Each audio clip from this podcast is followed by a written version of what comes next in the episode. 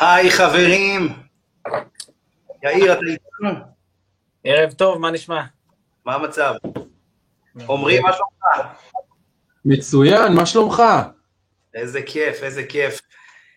קריית שמונה, מגדל העמק, עמרי בשירי, מבשירי נדל"ן, ויש לנו את אה, יאיר דנסקר מקדוש נכסים, נכון?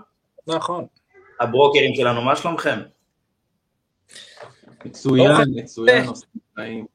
נתחיל עם אה, בשירי.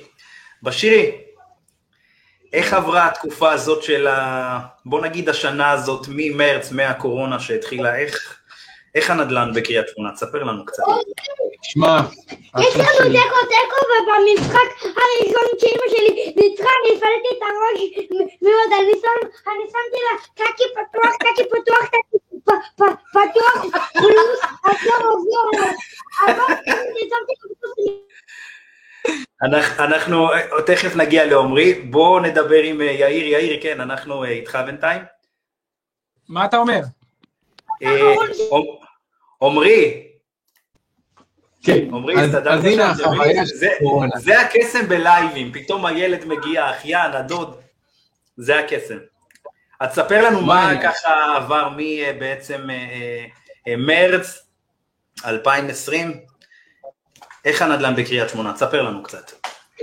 שמע, הקורונה די די אה, תפסה אותנו בהפתעה, היינו צריכים להסתגל טוטאלית, אם זה לעבוד מהבית ואם זה לענות לשיחות בזמנים לא צפויים הרבה יותר מהרגיל. קיבלנו את זה בבום, אף אחד לא ציפה, אנשים קנו נכסים רגע לפני הקורונה וציפו להשכיר את זה טיק טק והכל הכל נתפס די בהלם. יחד עם זאת אה, נוצרה איזושהי סיטואציה מאוד מעניינת שלא נתקלנו בה בחיים, שהמוכרים מוכנים למכור הרבה יותר מבעבר. זאת אומרת, הבשלות שלהם היא עצומה. הם, יחסית אה, קיבלו את הקורונה בהפתעה, והמון המון המון מוכרים שהיו על הגדר פשוט עשו את הצעד קדימה, מה שנתן אה, כניסה להרבה רוכשים שהבינו שקורונה טיים מה שנקרא. זה הנדל"ן, זה, זה ההשקעה או הרכישה או כל דבר שהם עשו הטוב ביותר והבטוח ביותר. זאת אומרת, אם אני לוקח שנייה את עולם המשכנתאות ואת עולם הנדל"ן, הם הולכים ביחד, פתאום כמות תיקי המשכנתאות על- עלתה בצורה מאוד אה, רצינית, רוכשים שחשבו לקנות, פתאום עשו את הצעד, כי הוציאו את הכסף מהבורסה או מקופות חיסכון שראו נפילה אטומית, כאילו משהו היסטרי, זה, אני יכול להגיד שזה עשה לי אישית, הקורונה, עבודה קלה מול מוכרים, ומי שמקבל החלטה למכור או לא, זה מוכר, אה, לשמחתי, לצערי, תלוי את מי אתה שואל. מדהים. אה, מה אתה מרגיש מבחינת מחירים? שהשתנו זה- המחירים, זאת אומרת, הם עלו, ירדו, מה קורה שם בדיוק? זה, זה שוק, בגלל שקריית שמונה והסביבה זה שוק פיצפון, שתבין כמה הוא קטן, אני יכול למכור, לנקות את כל ה-400, אני קורא לזה 400, כן? את כל ה-400, את ה-400 אלף, אני יכול לחמש עסקאות מכלל העסקאות שיש ב- בכל קריית שמונה, ופתאום אנשים לא מבינים איך אין דירות ב-400 שהיה לפני חודש. זה שוק כל כך קטן וצפוף, שאני כ- כמשרד משפיע על כל המחירים בו. אז אני אומר לך את האמת, בהתחלה המחירים צנחו, ממש בתחילת הקורונה, שהיה את הבום הראשון, את, ה, את הסגר הראשון, היה קרייסיס, אנשים מכרו במחירים שגם אותי הפתיעו, ואז אם אני מדבר על הסגר האחרון, השני, האחרון, פתאום המחירים מתחילים לעלות חזרה לפני הקורונה ואחרי, זאת אומרת, אני מדבר על 20-30 יותר על כל נכס ממה שהיה עוד לפני הסגר הראשון. אז מאוד, מאוד מעניין, מאוד.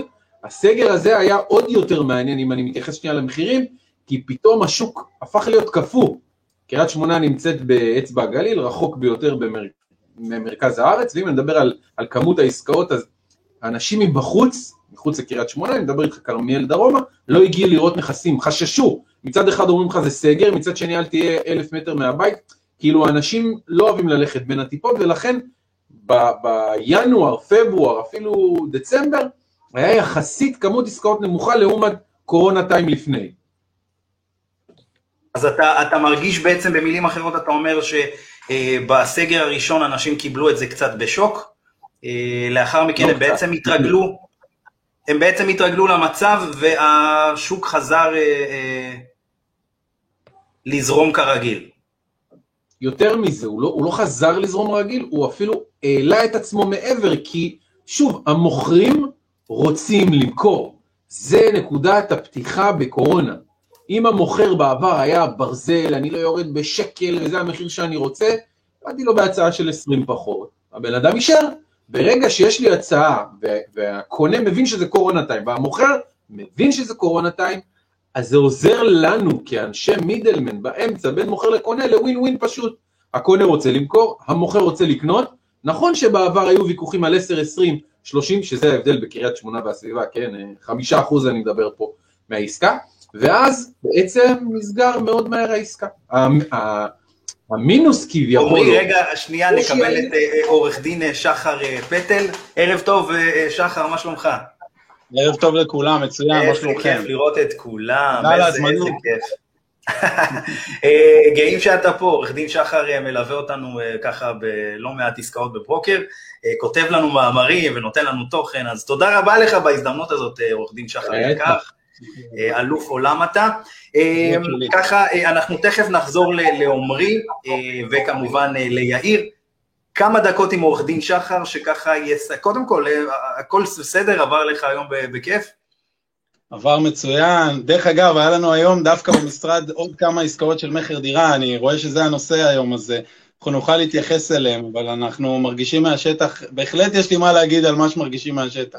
מה אתה מרגיש מהשטח בתור עורך דין שעושה לא מעט עסקאות? כן. ומלווה לא מעט משקיעים גם בסדרי גודל מאוד גדולים, פרויקטים מאוד גדולים, אז תספר לנו ככה קצת מה...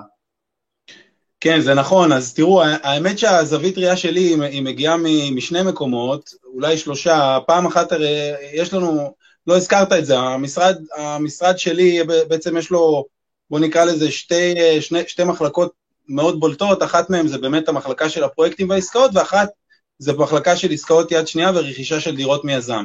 אז מה שאנחנו, מה שהתמונה שאנחנו מקבלים היא בעצם גם מהצד של היזמים, כ, אה, בתור מי שמתחילים פרויקטים חדשים, אבל מצד שני, גם התמונה של מה שקורה בעסקאות היד שנייה וגם במכירות של יזמים לרוכשי יד שנייה. אז, אז באמת, מקבלים תמונה מאוד מעניינת בחודשים האחרונים.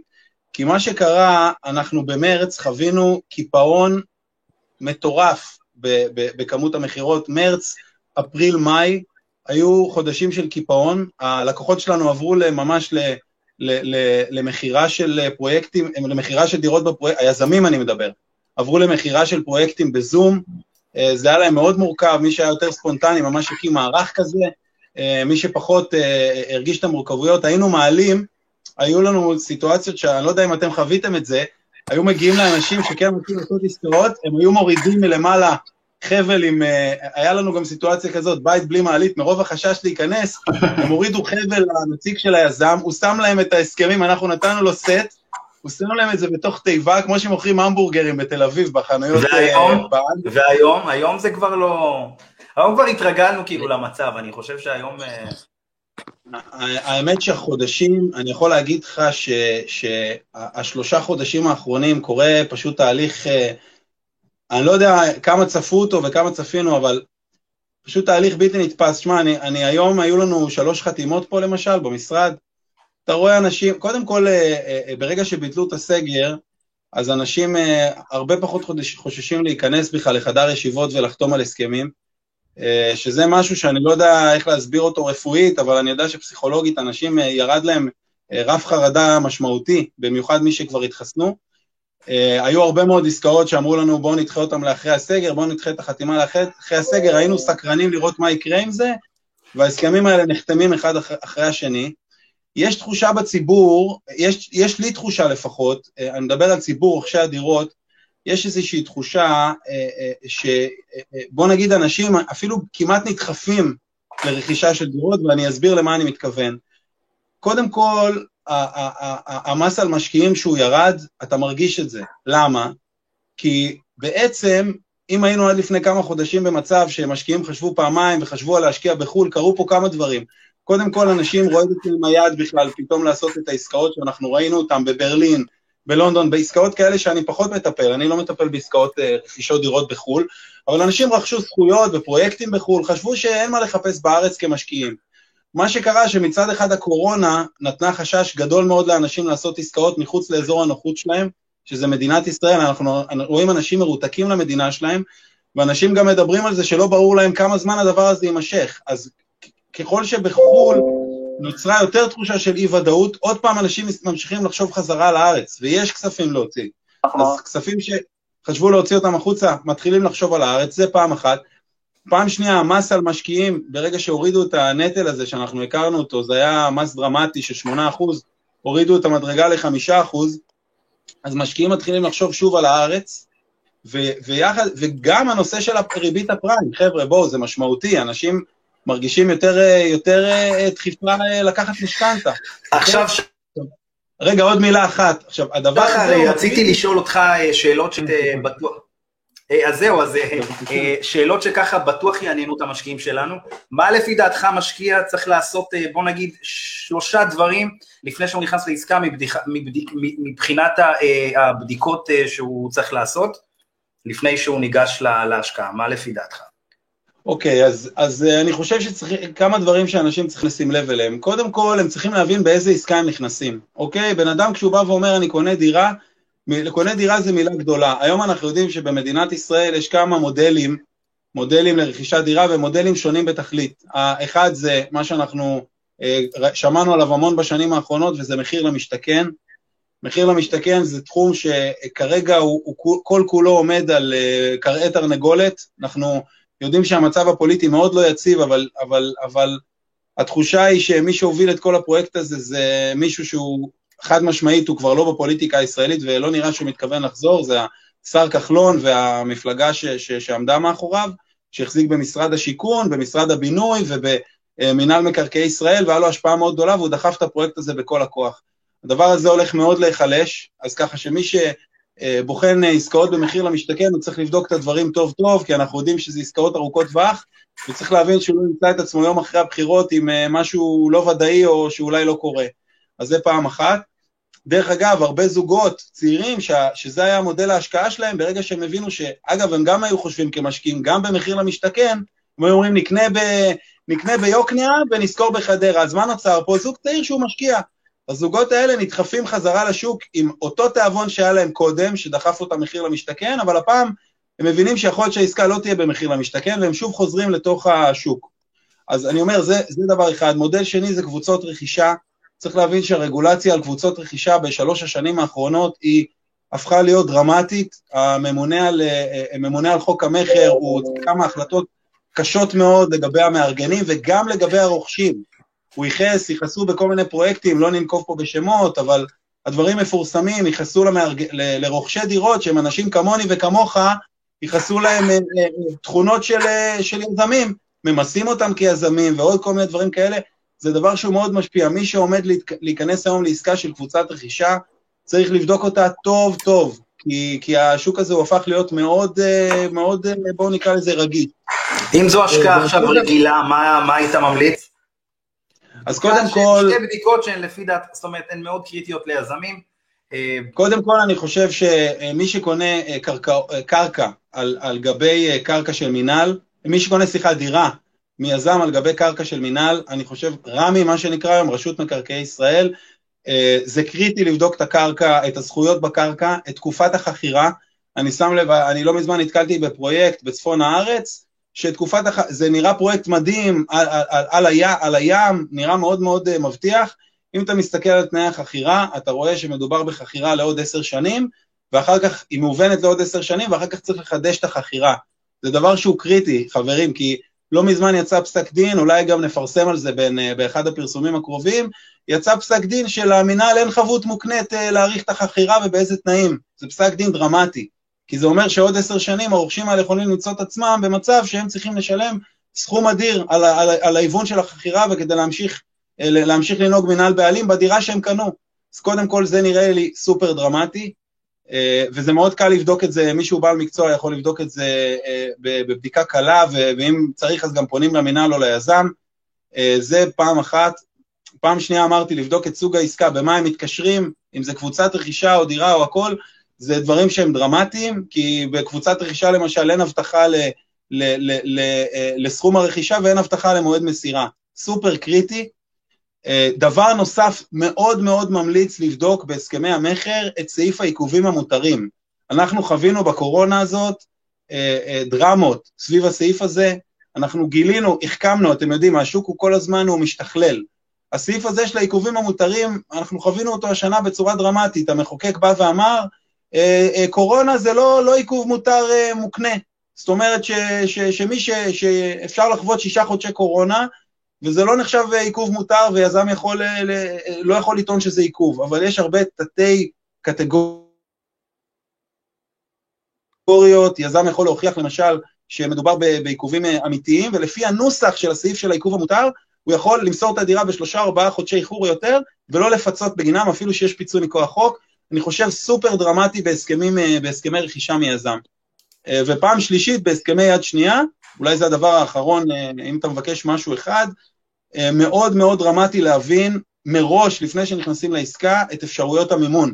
יש שם היום מקרים, היום הבנקים מצד אחד הקלו את התנאי משכנתה, אבל מצד שני, הרבה מאוד גורמים חושבים שהם יכולים ליטול משכנתה, אחר כך הם מגלים שהתנאים הם אחרים, או שמגבילים אותם בסכום שהם יכולים ליטול, ו- וזה חבל, כי בהסכמי מכר יד שנייה, אני רואה את זה משני הצדדים של המתרס, סעיפי ההסכם אומרים שהקונה מחויב לבצע את העסקה, גם אם הוא לא מסוגל להביא, לקחת את המשכנתה והוא צריך להביא כסף מהבית.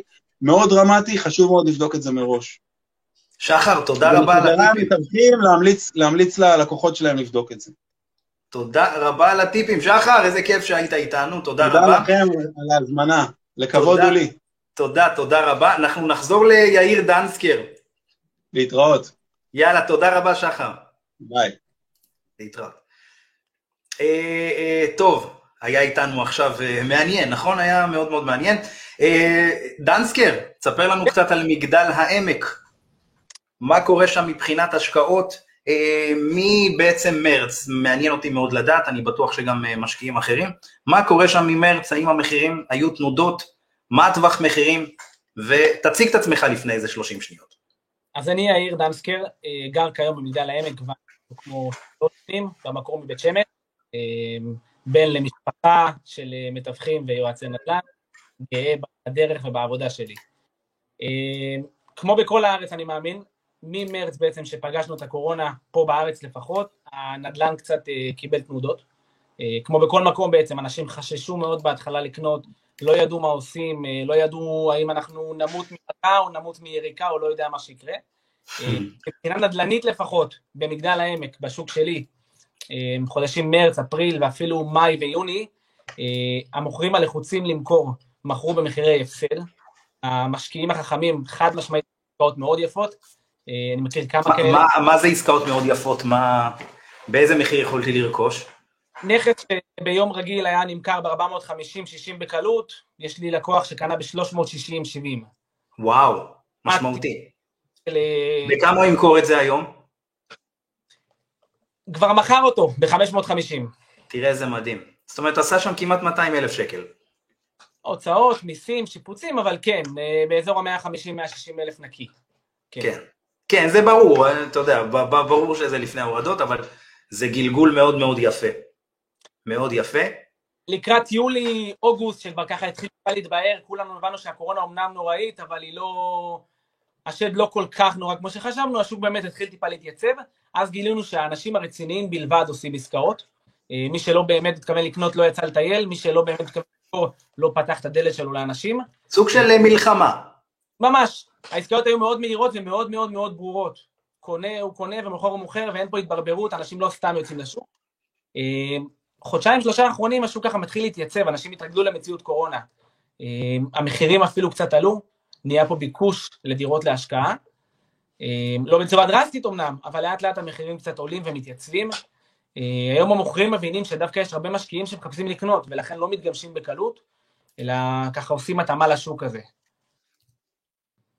והיום אתה אומר, זאת אומרת, הכל חזר אה, אה, לעצמו ואפילו המחירים עלו? אפשר לומר שהמחירים קצת עלו, בטוח שהם התייצבו. אין כבר את העסקאות המטורפות האלה, תמיד יש עסקאות מיוחדות, אבל זה כבר לא נפוץ כמו לפני כמעט שנה. הבנתי אותך. אה, באיזה מחירים היום ב-450 או, או פחות אני יכול למצוא משהו? טווח מחירים של מגדל העמק והנכסים שאני ממליץ לפחות להשקעה, זה באזור ה-450 עד 550 פחות או יותר. נכסים שיכניסו באזור ה-1,800 עד 2,200 שקל בחודש. אה, נכסים שבדרך כלל יהיו מושכרים, אה, בדרך כלל אה, יושכרו מהר יחסית. נכסים כאלה הם שלושה או ארבעה חדרים, אזור ה-70-80 מטר, בדרך כלל משופצים חלקית או משופצים לגמרי, תלוי אם כבר עבר עליהם איזה משקיע או שתיים. סך הכל. ב-450-460 אני יכול למצוא נכס, בכמה יושכר? 450-60 זה יגיע לאזור ה-1800, אולי 1900, אה, וככל שאתה עולה עם המחירים, ככה גם מחירי השכירות יעלו בהתאם. אני מבין. עכשיו, בוא נגיד שאני משקיע ואני רוצה לקנות במגדל העמק, אתה גם נותן לי שירותי, אה, אה, זאת אומרת, אתה גם מנהל לי את הנכס? מא' ועד ת'. מהשלב של לחפש לך בעצם את הנכס, עד השלב של כמובן להתנהל משא ומתן וחוזה מכר וכל מה שצריך. אם צריך לשפץ, יש לנו מחלקה שמתעסקת בשיפוצים, בהשבחה. אנחנו מחפשים לך בעצם סוחר, יש לנו סוחר שמתעסק רק בשכירויות, אה, וכשתרצה למכור כמובן אנחנו שוב כאן כדי לעשות לך את זה. כל הניהול השוטף והכל, יש לנו מחלקה של ניהול נכסים, שאנחנו על זה כדי בעצם לדאוג שהמשקיע, יש לו את השקט שלו ואת ההתעסקות שלו, והבית בשבילו והוא לא בשבילו. אפשר להגיד ככה, אם כבר מדברים אה, על העניין של הניהול, אפשר להגיד שכל מי שמתעסק ברשת ברוקר נדל"ן בהשקעות ומתמחה בזה, כמו יאיר ובשירי שאתם רואים, אה, כולם נותנים שירותי ניהול, אה, זה משהו שאנחנו מבקשים ודורשים מהחברים בקבוצה, אה, אז אתם יכולים להיות רגועים, אם אתם קונים נכס מאחד המומחים שלנו ברשת ברוקר נדל"ן, תהיו בטוחים שתקבלו גם ניהול וסוגרים לכם את הפינה הזאת, ובדרך כלל גם גובים הרבה פחות מחברות ניהול שהן מסורתיות. נחזור לבשירי ואז נחזור אליך, ויש גם את ברוקר אילת שאו-טו-טו עולה, נשמע גם על נדל"ן באילת, זה מאוד מעניין. נכון מעניין, יאיר? מעניין מה, מה הולך בעיר הדרומית. אה, בשירי. כן, כן, אני פה. יאללה, תספר לנו ככה אה, אה, עוד קצת על נדל"ן ב, אה, בקריית שמונה, תספר לנו שם על ההשקעות ב... אה, השקעות ליד המכללה בעצם. תספר לנו קצת על זה, כי יש הרבה שזה מעניין אותם. תראה, בשירי, אני חייב להגיד שאתה כוכב בלייב הזה. קודם כל, חבר'ה, שברנו את ה... זה טוב, זה כבר מראה שיש צוות תומך, אז תודה לכולם. כן, זה מדהים. אושרת אה, מויאל רגב כותבת שאתה אה, אה, תותח, ומלא כותבים פה, אתה תותח, תותח, אחי, אנשים מעריצים אותך, אולי באמת כדאי שנגיע לקריית שמונה. זה כיף, חבר'ה, אני חייב להגיד, ברוקר נדל"ן, אנחנו פעם ראשונה עוברים את ה-200 צופים בלייב. זה פשוט מדהים, זה לא מובן מאליו, אז בואו ניתן כפיים לעצמנו. באמת שזה מדהים, כל הכבוד על כל השיתופים וכל הקבוצות, הנה אתם רואים את הזה, זה פשוט אה, מדהים. אז בוא תספר לנו על השקעות נדל"ן לככה סובב אה, הדברים, זאת אומרת האקדמיה וכל הדבר הזה, כי זה קצת שונה ממרכז העיר לדוגמה. לא, אה, קריית שמונה בכלל, אצבע הגליל זה שוק שונה בכל מקום שאתה תפגוש, דרך אגב, אפשר להבין ולחשוב שהוא יותר דומה לחו"ל מאשר דרך אגב לישראל, אבל היתרון הכי גדול של אצבע גליל, קריית שמונה והנדל"ן שם, זה המיקום הגיאוגרפי. מכללת תל חי נמצאת בקצה הצפוני ביותר במדינת ישראל. אם תשווה אותה לכרמיאל לצורך העניין, יש לך רדיוס סביב כרמיאל שאתה יכול לגור. בקריית שמונה ומכללת תל חי בפרט אין, לא קיים. אתה לא יכול להניע את האוטו מכרמיאל לקריית שמונה כל יום. א', הפקקים, ב', אתה לא יודע מתי אתה תגיע, ג', אתה גמור אחרי הנסיעות האלה. ולכן מה שקורה, הסטודנט, אני אגיד את זה במרכאות כמובן, הוא אה, לקוח שבוי. זה לא כרמיאל שאתה יכול לגור בסכנין ולנסוע, זה לא כרמיאל שאתה יכול לנסוע 20-25 דקות מכל כיוון ברדיוס טוטאלי, שם במכללת תל חי יש לך קריית שמונה, מושבים קיבוצים ליד, וזהו. אם אתה רוצה לגור בצפת, גם זו החלטה שלא בטוח תיקח, ב-99.9 הצפתים שבאים ללמוד בתל חי, גם באים לגור בקריית שמונה. ולכן היתרון העצום של קריית שמונה הוא המינוס שלה. זה שהיא מרוחקת ממרכז הארץ או מרוחקת מכל דבר אפשרי, זה הופך את היתרון הנדל"ני שלה למשהו יוצא דופן.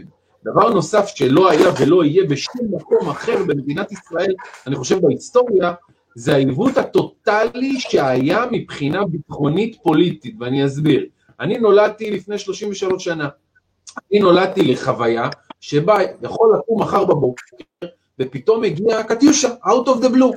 זה יצר תוצאה ישירה של שוק נדל"ן ששווה אפס, חברים. היית בא לקריית שמונה בשנות ה-90, היית פשוט בוחר איזה נכס לקנות, מוציא 30 אלף שקל וקונה.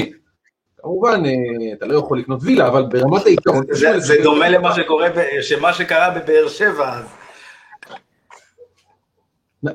בסדר, אבל בקריית שמונה זה עוד יותר קיצוני. אם באר שבע יכלת לקנות ב-200 אלף, שזה מבחינתך 30 אלף, בקריית שמונה זה היה אפס, זירו, נאדה. אני יכול לתאר לך מצב שבו היה בניין שלם סגור בבלוקים. תקשיב טוב, סגור בבלוקים עמידר. כשאתה מקבל בית בחינם, לא הצליח להכניס לשם דיירים. אבא שלי, שהקים את העסק, מכר את כל הבניין ליזם פרטי בשנות האלפיים. זה היה עד כדי כך קיצוני, ממש קיצוני. עכשיו, קריית שמונה, אם אתה מתחיל מאפס, לא יכול להיות שמחר בבוקר פתאום השוק הופך להיות חצי מיליון. אין אפשרות כזאת, ולכן התיקון משנת 2000, שיצאנו מלבנון, עד היום, 20 שנה, הוא תיקון שהוא עדיין לא עשה את שלו. שתבין, היום קונים בקריית שמונה דירות בין 400 ל-600 אלף שקל. בין 400 ל-600 אלף שקל. אין היגיון בשום סיטואציה.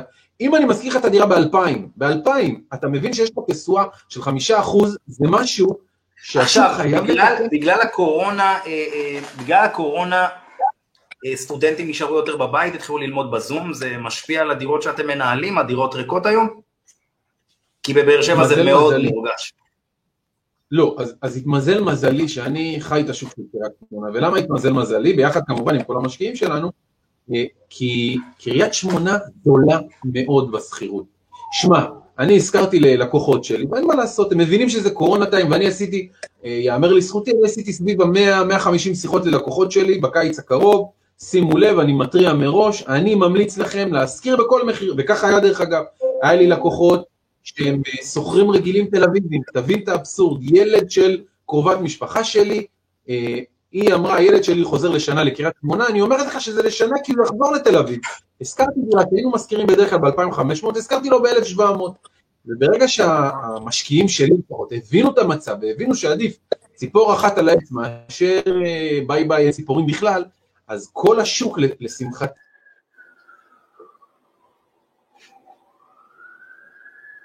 הלך הכל, אתה, יאיר, אתה שומע אותי? לא, אותך אני שומע, אותו לא. לא שומעים אותך בשירי. בשירי לא שומעים אותך.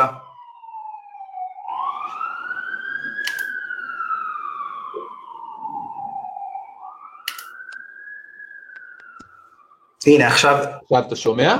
כן, כן, עשית אה, מיוט בטעות נראה לי. טוב, קורה, אולי אה, האיראנים נכנסו לנו פה. יש מצב. נו, אה, אנחנו מקשיבים. איפה הייתי, סליחה? ציפור אחת ביד. סגור, אז עדיף ציפור אחת ביד, על שתי ציפורים על העץ, הבינו את זה, הנמכנו ציפיות לתקופת הקורונה. בנוסף, סטודנט, אה, או שני סטודנטים בדירת סטודנטים רגילים לשלם אצלנו אלף שקל. אז זה לא כזה נורא לשלם 12 אלף שקל בשנה, כשאתה צריך ללכת למכללה לפחות למסלול עם מעבדות, שבו זה ביוטכנולוגיה, ביולוגיה, הנדסאים, כל כך הרבה מסלולים במכללת תל חי, ובו אתה מחויב, מה לעשות, להגיע לפחות פעם, פעמיים למכללה לצורך מעבדה. אני לא אומר לך עכשיו ללמוד יום-יום, אבל מעבדה. והסטודנטים של שנה ב', ג', ד' כבר רגילים להיות מחוץ לבית, שהסכום 12,000 שקל בשנה לא נורא בכלל. דרך אגב, בזמן הקורונה הרבה מבעלי הדירות הסכימו לעשות הנחה לתקופה חודשיים-שלוש לסוחרים עצמם, עד כדי כך שהיו לי בעלי דירה שפטרו, שתבין טוב, פטרו את הסטודנטים מלשלם שכר דירה בכלל. עכשיו, שתבין, ברגע שהם... זה קרה גם בבאר שבע, אני מניח שזה קרה בהרבה מאוד מקומות.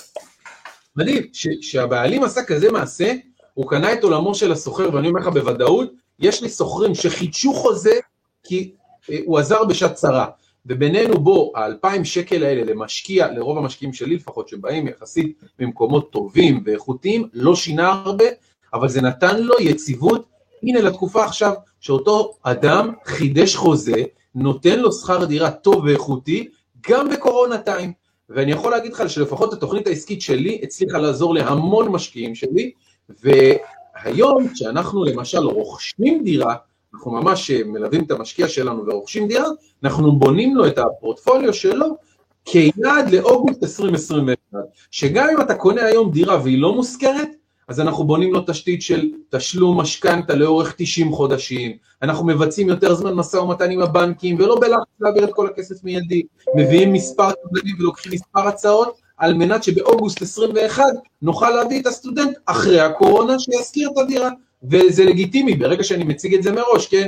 אם אני אדם לא ישר ולא מציג את זה מראש, אז אל תיכנס לתחום הזה, אתה רוצה לעבוד לטווח ארוך, ואני רץ מרתון עם הלקוח שלי.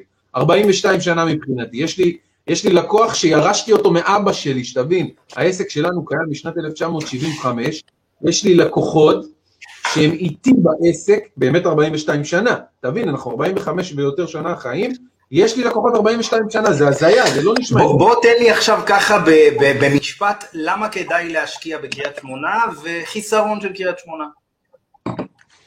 החיסרון של קריית שמונה זה שאתה קונה, אתה רחוק ממנה. אתה לא יכול מחר בבוקר להניע את האוטו, לעשות תיקון קטן, זה יעלה לך כסף, תשלח טכנאי, אתה תשתמש בי כאיש קשר מקומי, אין מה לעשות, זה חלק מהתהליך, זה יעלה לך כסף. קריית שמונה, היתרון שלה, וזה גם המינוס, כפי שאמרתי, הלוקיישן האסטרטגי שלה נותן לה אפשרות להשכיר לאנשים שבמקומות אחרים יכלו למצוא פתרונות דיור אחרים. קריית שמונה נותנת מה שאין. עוד משהו שאתם לא יודעים, קריית שמונה הפכה להיות בירת הפודטק הארצית. פודטק זה תעשייה חדשה לחלוטין, לגמרי, לא הייתה קיימת לפני חמש שנים, זה בעצם לקחו מזון עתיר בידע. זה לא מפעל המבורגרים בלחיצה, פרי בחצור, לא. זה לקחת... זה מאוד מעניין מה שאתה אומר עכשיו. מאוד מעניין. זה תעשייה, למשל, לקחת המבורגר טבעוני שעשוי מפולי סטויה בטעם המבורגר. אתן לך דוגמה, שופרסל היום, לפני שבוע, סגרה חוזה רכישה על מגרש לפנייה למפעל אחד הגדולים, ביחד עם 45 אה, מקומות עבודה של לואו-טק, היא הביאה איתה גם עוד 23 משרות של הייטק, חוקרים, ביוטכנולוגים, דוקטורנטים, דברים שאני ואתה מאוד שמחים, זה סוחרים איכותיים, אנשים שיקנו דירות למגורים, מה שלא היו עד עכשיו, הם יכולים לקנות כבר במיליון וחצי, שתי מיליון, זה אנשים ברמה מאוד מאוד גבוהה, לנו בשוק הנדל"ן זה סנונית שהולכת להיות פיגוז. אתם גם לא יודעים שהראל מרגלית, אם שמעתם את השם הזה מ-JVP, שם את קריית שמונה על המפה מהבחינה ההייטקיסטית. הוא הקים את האקסלרטור שלו. הראל מרגלית משקיע הרבה בפריפריות, יש לו גם אה, בפארק ההייטק, איפה שאנחנו יושבים, יש לו שם אה, חתיכת, אה, יש לו חממה בעצם, חממה טכנולוגית, חממת הייטק. אז אתה לקחת את החממה הטכנולוגית הזאת, הוא שם אותה בקריית שמונה. עכשיו, אתה מסכים איתי שברגע שהראל מרגלית אומר מה שהוא אומר, כנראה שהוא מבין משהו, הוא יודע משהו, הוא עושה את הבדיקות שלו, הוא לא הולך וזורק כסף לחינם. חד וחלק, כן. יתרה מזאת, אתם עוד לא יודעים, אבל יש פרויקט מטורף, שתנובה טמפו זכו למשך עשר שנים להיות אינקובטור לחברות הזנק רק בתחום הפודטק. עכשיו, למה זה תנובה טמפו? תנובה טמפו חברות אוכל, שתבינו שהם בעצם מייצרים איזושהי חממה, איזושהי יכולת טכנולוגית לחברות קטנות, לדוגמה, ידעתם שחגב, הנה יאיר יגיד לנו את זה, חגב זה קשה. אפשר לדבר על זה. שמע, לפחות ככה שמעתי, אני פחות חזק ממך, אבל אפשר להפיק ממנו חלבון כשר ליהודים, תבין את הרציונל רגע, בסדר? זה בעצם תחום הפודטק, זה משהו שאותו תנובה טמפו השקיעו מכספם מפעל שקיים בקריית שמונה שלא היה לפני חמש שנים, חברים. אז תבין שנייה, קריית שמונה הולכת בעשר שנים הקרובות להפוך להיות בירת הגליל. אתה יוצא מהבית שלך, יש לך נחל ליד הבית, אתה יוצא מהבית, אתה לוקח את הילד שלך, לא, לא מניע את האוטו, לגן ילדים, לבית הספר, ל, ל, לתיכון, זה משהו מטורף. אתם לא רגילים לזה, אבל אני מניע את האוטו, ברדיוס של 40 קילומטר נוסע לא יותר מ-15 דקות. פקק זה רק של קולה, זה לא ברחובות, אין לנו פקקים. תבין את האיכות חיים.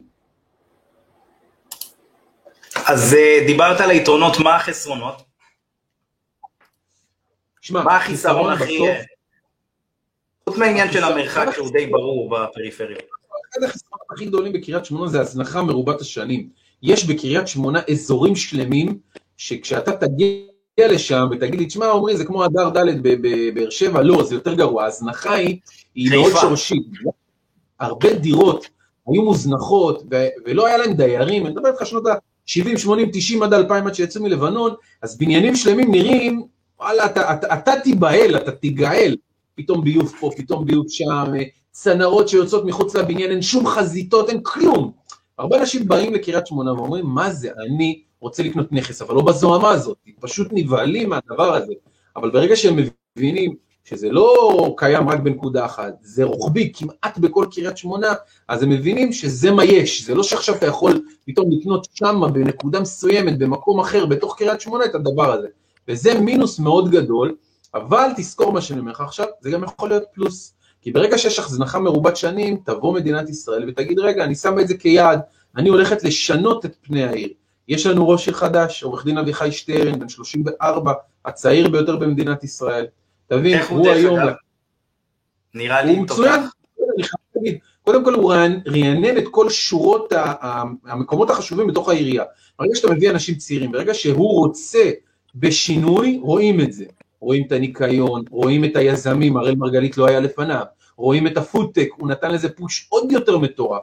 הוא מעביר היתרי בנייה במח... במחלקת הנדסה כיף לשמוע את זה. פי שתיים מהר יותר, פי שתיים מהר יותר מראש העיר הקודם, עכשיו הוא יושב ראש הוועדה של תכנון ובנייה, הוא יודע מה הוא עושה. עכשיו תחשוב שהוא גם עורך דין, אז הוא גם יודע איפה במקומות הנכונים לתת את הפוש שלו. להגיד לך שהוא לא חף מטעויות, כולנו בתחילת הדרך עשינו טעויות. אבל מה שיפה אצלו, הוא לומד. למשל, היה דיבור של אה, חבר הכנסת זאב אלקין, טרללת, הוא אמר, אני שם את אוניברסיטת הגליל בחיפה, שמעת על הסיפור הזה? כן. עכשיו הבן אדם, מה קורה איתך זאב? אתה לקחת את הכדור הלא נכון? מה ראש העיר עשה? אמר חברים, לא בבית ספרי, יש בחיפה אוניברסיטה. בוא, עם כל הכבוד לזאב, ויש מספיק כבוד, יש אוניברסיטה בחיפה. אתה רוצה שיהיה עוד אוניברסיטה שתיקרא אוניברסיטת הגליל? אז אביחי שטרן אמר עד כאן, ביחד איתו כל קריית שמונה ואצבע הגליל אמרו עד כאן, ואנחנו נלחמנו ביחד איתו, והוא הוביל את זה, והנה הוא בא. היום, מה לדעתך, מבחינת עכשיו מחירי נכסים אה, אה, אה, בשירי, יש לי בין 400 ל-600 אלף שקלים, מה אני יכול לקנות, בכמה יושכר? אז תראה, בקריית שמונה, אני אתן לך כלל אצבע, זה די, די פשוט. חצי מיליון קונה לך אלפיים. חצי מיליון קונה לך אלפיים. אז אתה יכול לשחק את המשחק. תוריד טיפה מהחצי מיליון, תקבל אולי 1,800, תעלה טיפה מעל החצי מיליון, תוכל להגיע עד 2,500. אתה רוצה להיות בסיכון גבוה יותר, קנה דירה ב-550. תשכיר אותה לשלושה סטודנטים, ושם אתה בסיכון, אתה גם יכול להגיע ל-3,000. ולמה אני אומר סיכון? היום התרבות הסטודנטיאלית הפכה להיות, אני רוצה להיות לבד, בטח בקורונה דרך אגב, הפחד הזה מלהידבק מאחרים, בכלל טשטש, אבל שלושה סטודנטים בדירה הפך להיות too much לסטודנט הצעיר היום. אנחנו הולכים ומתבגרים והם נשארים באותו גיל, זה קטע. אבל הרעיון הוא שבעצם ככל שיש לך פחות סטודנטים כשותפים בדירה, ככה איכות החיים שלהם עולה. ולכן היום הדירות של השלושה סטודנטים, הביקוש שלהם קצת יותר נמוך מדירות שני סטודנטים, והביקוש עוד יותר אגב, זה נמוך. משהו, זה משהו שהוא אה, מאוד חזק גם אה, בבאר שבע. בבאר שבע, לדוגמה, הדירות שהן אה, מחולקות לשלוש או שלושה שותפים, הן, כמו שאמרת, פחות מבוקשות, אלא אם כן, אה, אה, אלא אם כן אה, זה בוצע באזורים שהם אה, מאוד מאוד מבוקשים, צריך להיות להם ביקוש מאוד גבוה בשביל לעשות שלוש סוויטות אה, ולהשכיר אותן. אה, צריך ביקוש מאוד מאוד גבוה, ויש הרבה מאוד אנשים שהולכים, מחלקים ועושים סוויטות חוקיות, ופשוט לא מצליחים להשכיר, לא מבינים שלסוויטות צריך דרישה מאוד גבוהה. זה לא. זה, זה לא סתם אתה יודע לעשות, וגם צריך לדעת בקיצור איפה, איפה לעשות את הדבר. הדבר הזה של הסוויטות, אז בוא תסיים במשפט, שנעבור ליאיר, ככה נשמע גם אותו קצת. חד משמעית, מבחינת אה, נכסים, אז אמרנו לך בחמש... אני אה, ציפורן אחורנית לרגליו, אבל כולם- נהדרים, כולם נהדרים. אז ב-500 אלף זה סביב ה-2,000, נכון? מעל, זה, זה כאילו די דומה למה שקורה בעצם ברוב הפריפריות. כן, אין פה תשואה שהיא כן. 6 אחוז. זה דומה, אני רק- אין פה תשואה שהיא קרובה ל-6 אחוז. קיים, אני לא אומר שלא, אבל כללי האצבע לא, אני מדבר במחירים של בין 500, קיים, 550, כללי האצבע 600. די ברורים. גם זה קיים, אני עוד פעם, באמת חשוב לי להדגיש, קיים, אבל יש את הכלל ויש את היוצא מן הכלל. אם יש לי משקיע... אני מדבר על הכלל, אני מדבר על חמש ה-90%. דירות, כמובן ש...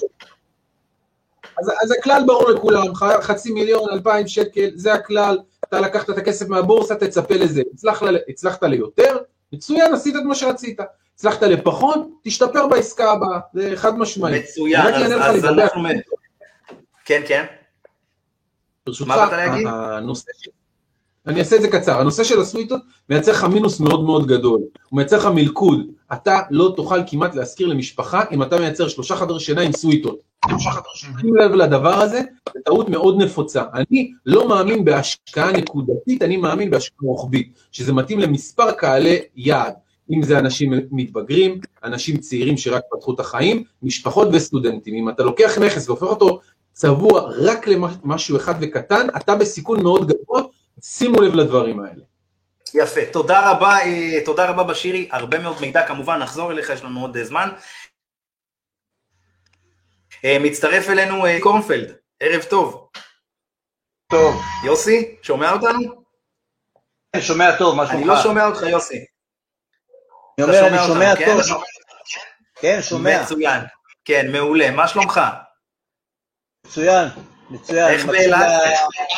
מקשיב- מקשיב אה, מההתחלה, וקודם כל אני מבסוט שאני רואה שיש חברים שנמצאים בפריפריה. ולשמוע את החברים שנמצאים בפריפריה זה עושה לי טוב. אז אה, גם אצלנו ככה, גם אנחנו אז יוסי קורנפלד הוא בעצם מאילת, ברוקר אילת, כבר איתנו הרבה מאוד זמן. תספר לנו ככה מה קורה באילת, אילת, ומה עד היום, האם המחירים ירדו, עלו, מה קורה שם בדיוק? המחירים בעלייה כל הזמן, בזחילה אמנם, אבל בעלייה נונסטופ כל הזמן. יש, ואנחנו יש אזורים שהמחירים ירדו באילת, או שבאופן רוחבי הכל עלה? הכל עלה, הכל עלה, הכל עלה, הכל עלה. אז זה אומר שיש לנו פה מקריית שמונה, יש לנו קריית שמונה עלה, מגדל העמק עלה, נכון? אילת עלה, באר שבע אה, די יציב, באזורים מסוימים עלה, אפשר להגיד שבאר שבע די יציבה, אי אפשר להגיד שמשהו... אה, אני חייב, אני חייב להגיד לך על באר שבע, אני חושב שבגלל הגודל העצום שלה, לא הייתה עלייה. תן לה עוד חודש, חודשיים, שלוש, לטעמי, היא תעלה. היא תעלה כי היא פשוט ענקית במסה. קריית שמונה, בגלל שהיא קטנה היא עלתה, שלא תתבלבל. כמות העסקאות לא הייתה כל כך שונה משנה שעברה, אז ש- שזה התמזל מזלנו, אבל באר שבע לדעתי גם תעלה כמעט באופן ודאי. כן, תלוי, תלוי איפה, באר שבע יש אזורים מסוימים גם שאפילו המחירים קצת ירדו, תראה, אה, במגדל בגלל העמק, ריבוי בנייה והכל. במגדל העמק דווקא להשקעה קצת עלו. אבל הדירות... רגע, בוא נשמע, חבר'ה. בואו כל אחד ידבר לבד, שנייה. אה, יאיר, מה אתה אומר? אני אומר, מגדל העמק. אה, הדירות להשקעה דווקא אפשר לומר שהם התייצבו ואפילו קצת עלו, אבל הדירות למגורים אפשר לומר שהם ירדו. בצורה אפילו די משמעותית. במגדל העמק הדירות למגורים ירדו. כן. זאת אומרת, אה, אם דירה הייתה עולה מיליון שקל, נגיד לצורך עם העניין, ממ"ד... נכס שלפני שנתיים נמכר במיליון 170, עכשיו לא מצליח לקבל מיליון 50. משמעותית ירד. מאוד זאת אומרת, משמעותי. במחירים היותר יותר גבוהים יחסית נכון, למגדל. זאת אומרת, למחירים שיותר צמודים למיליון, מיליון 100, מיליון 200, קשה למכור. חד משמעית. את המחירים היותר זולים של חצי מיליון אתה לא מרגיש, זאת אומרת, זה די עלה. יש הרבה ביקוש לזה, אז באמת המחירים לא ממש ירדו, אפילו טיפה התייצבו. הבנתי, הבנתי. עכשיו אה, אה, נשמע את אה, יוסי. אז ספר לנו על אילת, אתה אומר שהמחירים בעצם, המחירים, נש... אה, זאת אומרת, עלו בשנה הזאת מהקורונה, מאז, מרץ שנה שעברה. אתם תראו את זה גם אצלכם, לאט לאט, את העליות האלה. היום אין, אין מספיק אה, תוצאות שיצאו אה, לבנייה בכל הארץ, יש חוסר בקרקעות לבנייה, אתם, המחירים שהקבלנים מתחילים בהם אה, למכור הם כבר גבוהים, וזה מושך את כל השוק למעלה. מושך את כל השוק למעלה. זאת אומרת, גם דירות שעכשיו אתם רואים שהייתה אה, ירידה של אה, לתקופה מסוימת, משהו תקופה מסוימת, האי יציבות הזו. אנחנו נראה את הכל עולה למעלה, זה כבר, הגלים האלה כבר היו פה בארץ. קרו. קרו. בבקשה. אני אומר, בקיצור, המחירים עלו, אתה אומר. אצלנו המחירים, אצלנו המחירים כל הזמן בעלייה, כל הזמן בעלייה איטית, אבל בעלייה. לא היה בטווח של מחיר, 700 אם, אם בטווח לפני של עד שנתיים, 700 אלף שקלים, מה אני יכול לקנות אה, באילת היום? 700 עד 800? לא, אגיד לך משהו, אם היית מדבר איתי לפני שנה והיית אומר לי יש לי ב-800 אלף או 700 אלף מה אני יכול לקנות, הייתי מציע לך לפחות שני אזורים אה, עיקריים שאתה יכולת, יכולת לקנות אה, בהם. היום, אותו אזור שהיה אה, 700 אלף, כן? היום הוא, הוא סביב ה-800 אלף, ואותו אזור שהיה 800 אלף הוא סביב ה-900 אלף. זאת אומרת, אנחנו רואים עלייה של בין 8 ל-10 אחוז שהייתה השנה. שזה מדהים, אז אתה אומר לי שמונה, ומה עם כל האבטלה באילת? הרי אנחנו רואים שהאבטלה באילת היא מהגבוהות ביותר בארץ, אה, עיר תיירותית. איך, איך זה משפיע על המחירים שם? זה מה, לא משפיע? זה אמור, אה, אולי זה מבעבע מתחת לפני השטח, לא הכל אנחנו רואים כאן ועכשיו. זאת אומרת לא שאם. יש הרבה מאוד אבטלה, כרגע זה לא משפיע. אנשים, נכון שהם לא מקבלים 100% מההכנסה, אבל הם, אה, יש להם את ההכנסה. כרגע הבנקים אה, עצרו את, אה, את אה, גביית המשכנתאות, ואתה לא רואה, אה, אתה לא, אתה, לא, אתה לא רואה עכשיו סיבה למה שהמחירים ירדו. אתה לא רואה סיבה. יכול להיות שאנחנו נראה את זה ברגע שהבנקים יחליטו שהם יותר אה, לא ממשיכים את ה... את ה... בנק ישראל יותר מפסיק את, ה, את, ה, את אורך הרוח הזה, אורך הזמן, ואז אנחנו נראה באמת יותר אנשים אה, בעייתיים. מה שכן יש כרגע, אה, הרבה אנשים שנמצאים כרגע בחל"ת, הבנק, בנקים שצריכים לחלק להם את ההלוואה, את הבקשה להלוואה, עוצרים את זה. זה כן, זה, זה אנחנו רואים. אז יפה, אז הדברים ימשיך. האלה, אתה חושב, לא ישפיעו להם בשנה הקרובה יש- על המחירים? הכל, הכל תלוי. אם בנק ישראל, אם בנק ישראל ימשיך, כן, לא לגבות את המשכנתה, אלא את הריביות על המשכנתה, כמו שהוא עשה בשנה האחרונה, אבל כמה גרייס לא כבר נראה. אפשר לתת? זה יותר מדי, אתה לא חושב? ישראל, אני לא יודע, אבל אם, אם אנחנו נראה, אם אנחנו נראה, אם לא נראה פתיחה של המסחר, אם לא נראה את הפתיחה של המסחר כמו שצריך, אז זה יהיה. הם לא ייתנו, הם לא, גם הבנקים, תשמע, יציבות הבנקים היא חשובה פה, כי הבנקים עלולים להתמוטט מכמות כזו גדולה של אנשים של, ש, שלא יכולים היום אה, לשלם את המשכנתה. הבנתי. אה, אז אה, בוא נגיד שיש לי מיליון שקלים, מה אני יכול לקנות באילת? וכמה זה יניב לי מבחינת תשואה? אתה תוכל לקנות, כמה זה אתה יכניס תוכל לי לקנות בחודש?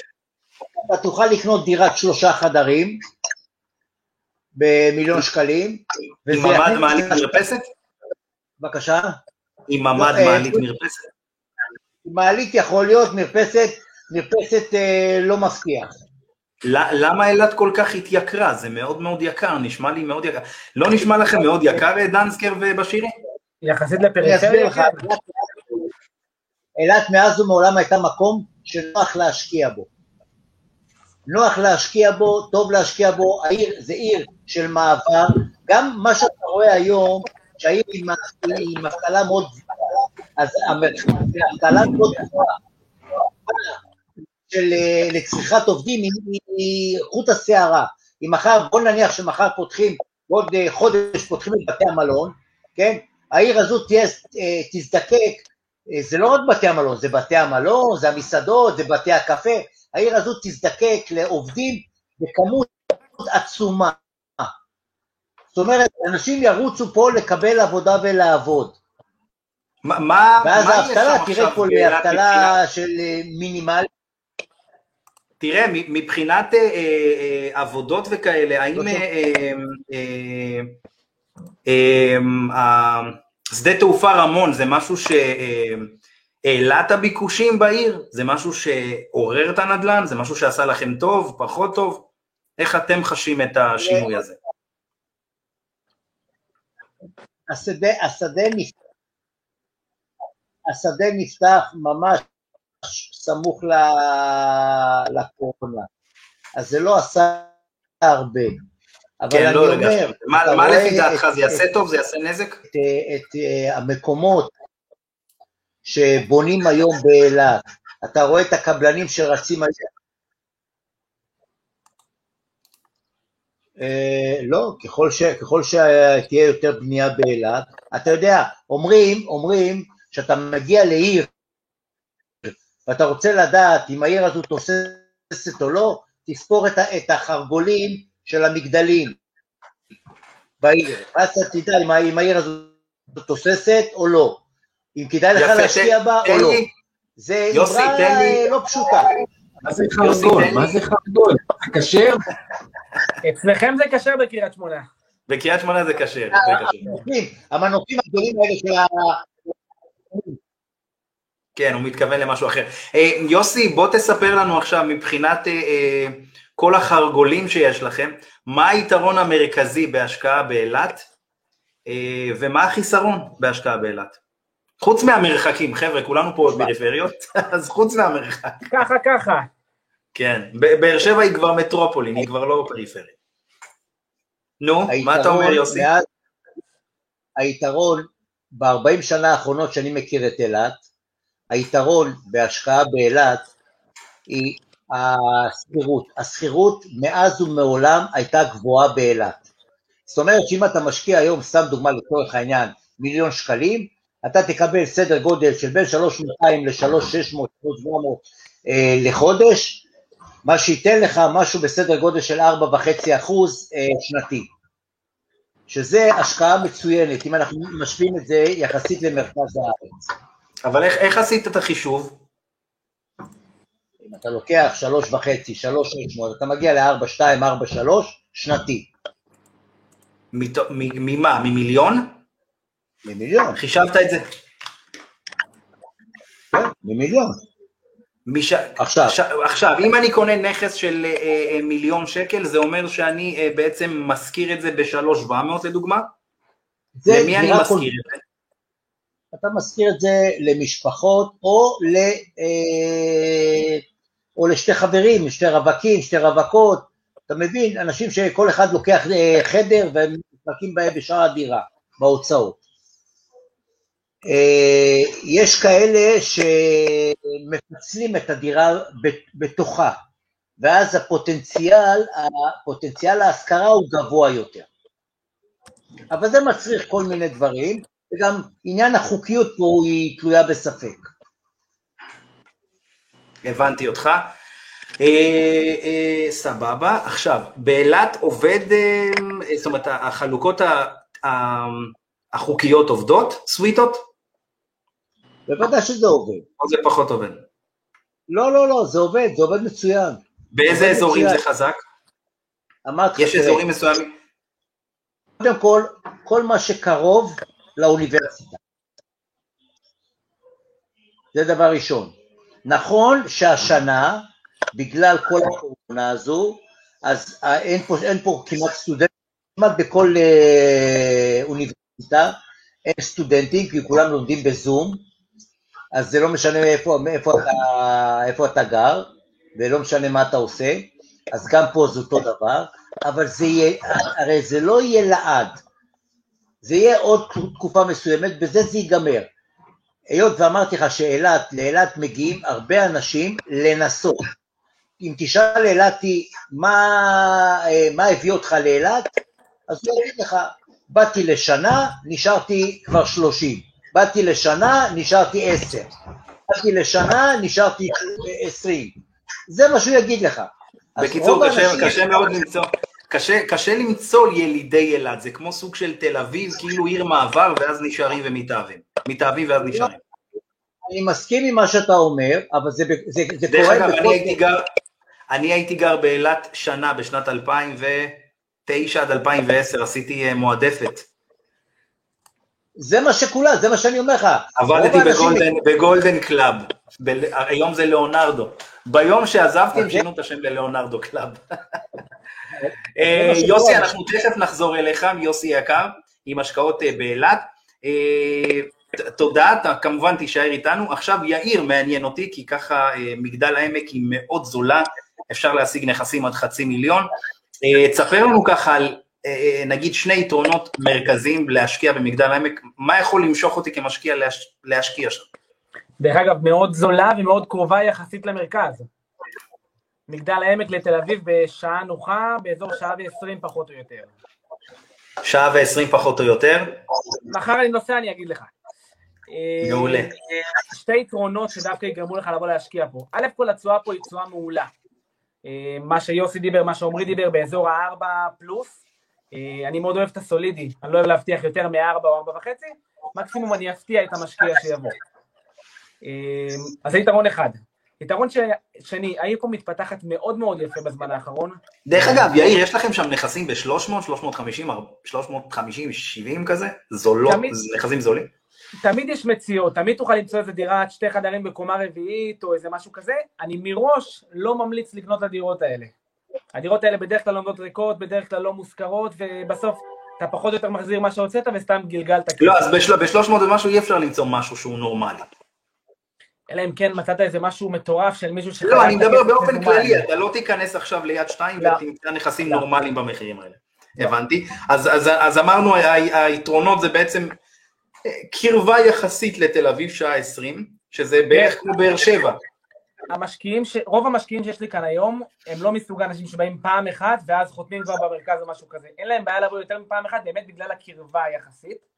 אה, כמו שאמרתי, יש פה הרבה בנייה חדשה, הרבה התפתחות, אזורי הייטק. העירייה כאן מאוד מקדמת את העיר. אה, יש פה מה זאת אומרת אזורי הייטק? מה כרגע פועל שם כהייטק? א' כל יש פה את האזור תעשייה, אזור אה, הייטק של יוקנעם, שזה נמצא משהו כמו עשר דקות נסיעה ממגדל העמק. אה, במגדל העמק עצמו יש פה הרבה מאוד מפעלים של מה שנקרא תעשייה כבדה, איך שזה נקרא, שזה מפעלים, אה, דברים שקשורים לדברים ביטחוניים. יו- יוקנעם יקרה יותר ממגדל העמק? כן, כן. למה? כי למה אתה חושב? היא על כביש 6, היא קצת יותר מרכזית, האוכלוסייה הסוציו-אקונומי שם קצת יותר גבוה ממגדל העמק, זה משפיע. בעיקר זה. אתה אמרת. לא, אני אומר, זה, זה מדהים, כאילו, אתה יודע, בסופו של דבר, אה, האוכלוסייה היא, היא, היא היא על המרכז חיסרונות, ב- אני אגיד לך שמגדל העמק יש לה חיסרון מאוד משמעותי, שיש לה שם של, אה, לשעבר לפחות, אני יכול להעיד, של עיר עם אה, פשע או עיר עתיקה. נכון, נכון. חד משמעית זה לא ככה המצב, אוקיי? אני לא מכאן במקור. היה לי ספר לנו על? סליחה? מי השוכרים במגדל העמק? תן לי חתך של שוכרים במגדל העמק. זוגות צעירים, אה, משפחות שאין להם את היכולת לקנות דירה, אה, אנשים שהדירת עמיגור לא מספיק טובה להם והם רוצים יותר מזה. אני שוכר דירה לצורך העניין. זה המקום, זה לא אנשים שבאים מחוץ למגדל העמק לגור. לא, אין לנו פה ממש, יש לנו פה את מכללת עמק יזרעאל, אבל רוב הסטודנטים גרים במעונות או בעפולה, שהיא הרבה יותר זולה מבחינת שכירות. אה, עפולה יותר זולה ממגדל העמק? מבחינת שכירות, כן. יש למה? שם היצע מטורף של, האמת שעכשיו קצת פחות, כן, אבל... בגלל ההיצע, נכון. למרות שזה עכשיו מתייצב, מטורף. אני מבין. נכון, נכון, נכון. אני שומע מחברים שעובדים שם שהמצב ממש מתייצב ואפילו נהיה מבוקש, אבל אנחנו מדברים על מגדל העמק, אני לא רוצה לשכנע אתכם על עפולה. אה, אז הסוחרים באמת די מגוונים, זאת אומרת, אני לא יכול להצביע על סטודנטים בהכרח או על אה, תיירים בהכרח, אבל אה, השוק של הדירות כאן להשכרה הוא מאוד מאוד יפה, זאת אומרת, דירה שהיא יפה, שהיא מסודרת, שהיא בקומה סבירה ואזור סביר, מהר מאוד מושכרת. דירות האלה לא נשארות ריקות הרבה זמן. כמובן, הדירות בקומות שלישיות, דירות ישנות, אה, מן הסתם לוקח יותר זמן להשכיר אותן. עכשיו, מה, מה זמן מדף של אה, נכס אה, בעפולה מהרגע, במגדל העמק, סליחה, מהרגע שלקחת נכס, שלקוח אה, חתם לך על אה, בלעדיות, כמה זמן תכלס אה, לוקח לך לשווק ולמכור את הנכס? בסוף זה תלוי מאוד ברצינות של המוכר ובמחיר שהוא רוצה, וזה לאו דווקא נכס להשקעה, וזה לאו דווקא במגדל העמק, אלא בכל מקום. אם המוכר באמת רציני ורוצה למכור, והמחיר שלו הוא מחיר סביר, עניין של בין יומיים לחודש, חודשיים במקסימום. זה מתחיל לעלות יותר כשהמוכר לא מספיק רוצה למכור, או המחיר שהוא מנסה להביא לא באמת ריאלי. אני מעריך מבין. את זה גם אצלכם חברים, ולא רק דווקא פה, ולא רק דווקא בדירות להשקעה, מן הסתם. נכון. עכשיו, אה, מה שאני רוצה לשאול אותך זה עוד שאלה. למה שאלתי את העניין של הזמן מדף? זה כי בדימונה לדוגמה, הזמן מדף הוא ארוך משמעותית מדירות בבאר שבע, וזה ידוע. זאת אומרת, יכול להיות שאם, עוד פעם, אם אתה לא יודע לשווק, אז בכלל אתה יכול אה, להיתקע עם הדירה הרבה מאוד זמן. אה, אז הזמן, מדף הוא הרבה יותר ארוך מבאר שבע, בקיצור. תראה, אני יכול להגיד וזה לך לא... ש... כן, כן, אני מקשיב. דבר.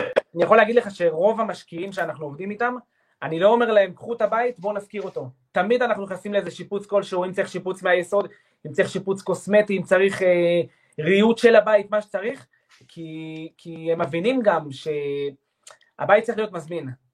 אה, שוכר ממוצע לא ירצה לקחת דירה שהריצוף שם הוא משנות ה-70, מן הסתם, ולהחליף ריצוף בדירה שלמה יגיע לאזור ה-10-12 אלף שקל, זה שווה את כל הכסף שתוציא על זה. עכשיו, בעיקר בתקופה הזאת בשנה האחרונה, כל משקיע שקונה דרכנו דירה, הוא מכין את עצמו נפשית, כמו שאמר עמרי מקודם, לפחות לשלושה ארבעה חודשים של גרייס, כדי שעד שנספיק להשכיר אותה, אם פתאום יבוא לנו עוד סגר של חודש או משהו כזה, עד שנספיק לשפץ אותה, אז הם מראש כבר מוכנים לזה, זאת אומרת חלק מהתוכנית השקעה שלהם, הם יודעים שיכול להיות חודשיים שלוש שהבית לא יהיה מושכר, וכמו שאמרתי מקודם, מקסימום מקבלים את זה כבונוס, את הכסף הזה. אה, עכשיו, מבחינת זמני השכרה, מה הזמן השכרה שם הממוצע? קנה, בדיוק כמו נכס למכירה, תלוי בנכס ובמחיר שלו ובאטרקטיביות שלו. אם הנכס טוב, אני אשכיר אותו בחצי שעה. אם הנכס גרוע, אז אנחנו נצטרך לעבוד עליו כדי לשפץ אותו, כדי לרהט אותו. זה יכול לקחת גם שבועיים וגם חודש. איך הנכסים שם נראים מבחינת הכניסות? האם הן מסודרות או שפחות? אמר עמרי מקודם שיש שם הרבה הזנחה בקריית שמונה, אני שמח לומר שבמגדל העמק העירייה מאוד מאוד משקיעה על העניין הזה. יש פה כמה וכמה רחובות שעברו כבר אה, מה שנקרא מתיחת פנים, שהעירייה בעצם קידמה אה, התחדשות עירונית. אה, רוב, ה, רוב הבניינים כאן בעיר הם 2-3 קומות מקסימום, אז ככה שאין הרבה דיירים, אין המון כניסות, לדיירים כן יש אכפתיות. יותר מזה, משהו מאוד חשוב, עמיגור מנהלת כאן המון דירות במגדל העמק, ובעצם הם דואגים לגינון ולטיפוח של כל הגינות והכניסה לבניינים. כל דייר משלם משהו כמו עשרה או עשרים שקלים בחודש, ויש טיפוח, יש גינון, יש צביעה, יש סידור, כל מה שצריך. אה, בוא נגיד שהמשקיעים מהמרכז לא נבהלים, לא מרגישים כפריפריה מפחידה, אלא כ... מה, העיר- העירייה, העירייה משקיעה לא רק בשטחים הציבוריים, גם בנראות של המבנים עצמם? זאת אומרת, חד משמעית כן, אה, לא רק העירייה, כמו שאמרתי, גם עמיגור, בגלל שהיא מנהלת הרבה מאוד נכסים, אז בעצם היא דואגת, כל בניין שיש לה עמיגור נכסים, היא דואגת, מה שנקרא, היא בעצם החברת ניהול. אז היא דואגת לניקיון, היא דואגת לחשמל, היא דואגת לטיפוח, לגינון, להכל. שזה יפה מאוד. זה מדהים, עכשיו, אני נ- מקווה שזה יהיה בכל מקום בארץ. שזה דבר מדהים, זה מעניין מה שאתה אומר. עכשיו, גם אם אין דיירים של עמיגור באותו בניין, עמיגור עדיין לוקחת את האחריות ועושה את זה? לא, בשביל זה העירייה עושה את זה, יש מיזם שנקרא אצלנו בחצר של עיריית מגדל העמק, אה, שבעצם על אותו בסיס, מה שעמיגור לא עושה, אז הם עושים את זה, ממש בעלות של אה, משהו כמו 120 שקל אה, לשנה, הם דואגים לטפח, הם דואגים לסדר, יותר מזה, העירייה מקדמת תחרות הגינה היפה, ומעניקה פרסים לוועדי בית שהגינה שלהם יותר מסודרת, שהבניין נראה יותר מזמין, ממש יש פה מודעות מאוד מאוד גדולה לזה, באופן כללי ראש העיר קנלי ברדה, יש לו מודעות מאוד מאוד גדולה לשוק הנדל"ן. אה, הוא זו כן הקדנציה הראשונה שלו? רביעית או חמישית לדעתי, משהו כמו 20 וואו. שנה כבר, כן. ממש שליט. אני לא. אכנס לפוליטיקה, זה ממש לא רלוונטי, אבל בשורה התחתונה אפשר לומר שהעיר כן מתקדמת וכן מתפתחת. גם אנחנו לא ניכנס סתם, אתה יודע, אבל אה, ארבע קדנציות זה, זה מדהים. דרך אגב, זה משהו שהוא די... אה, בפריפריות די, מאוד אה, נפוץ.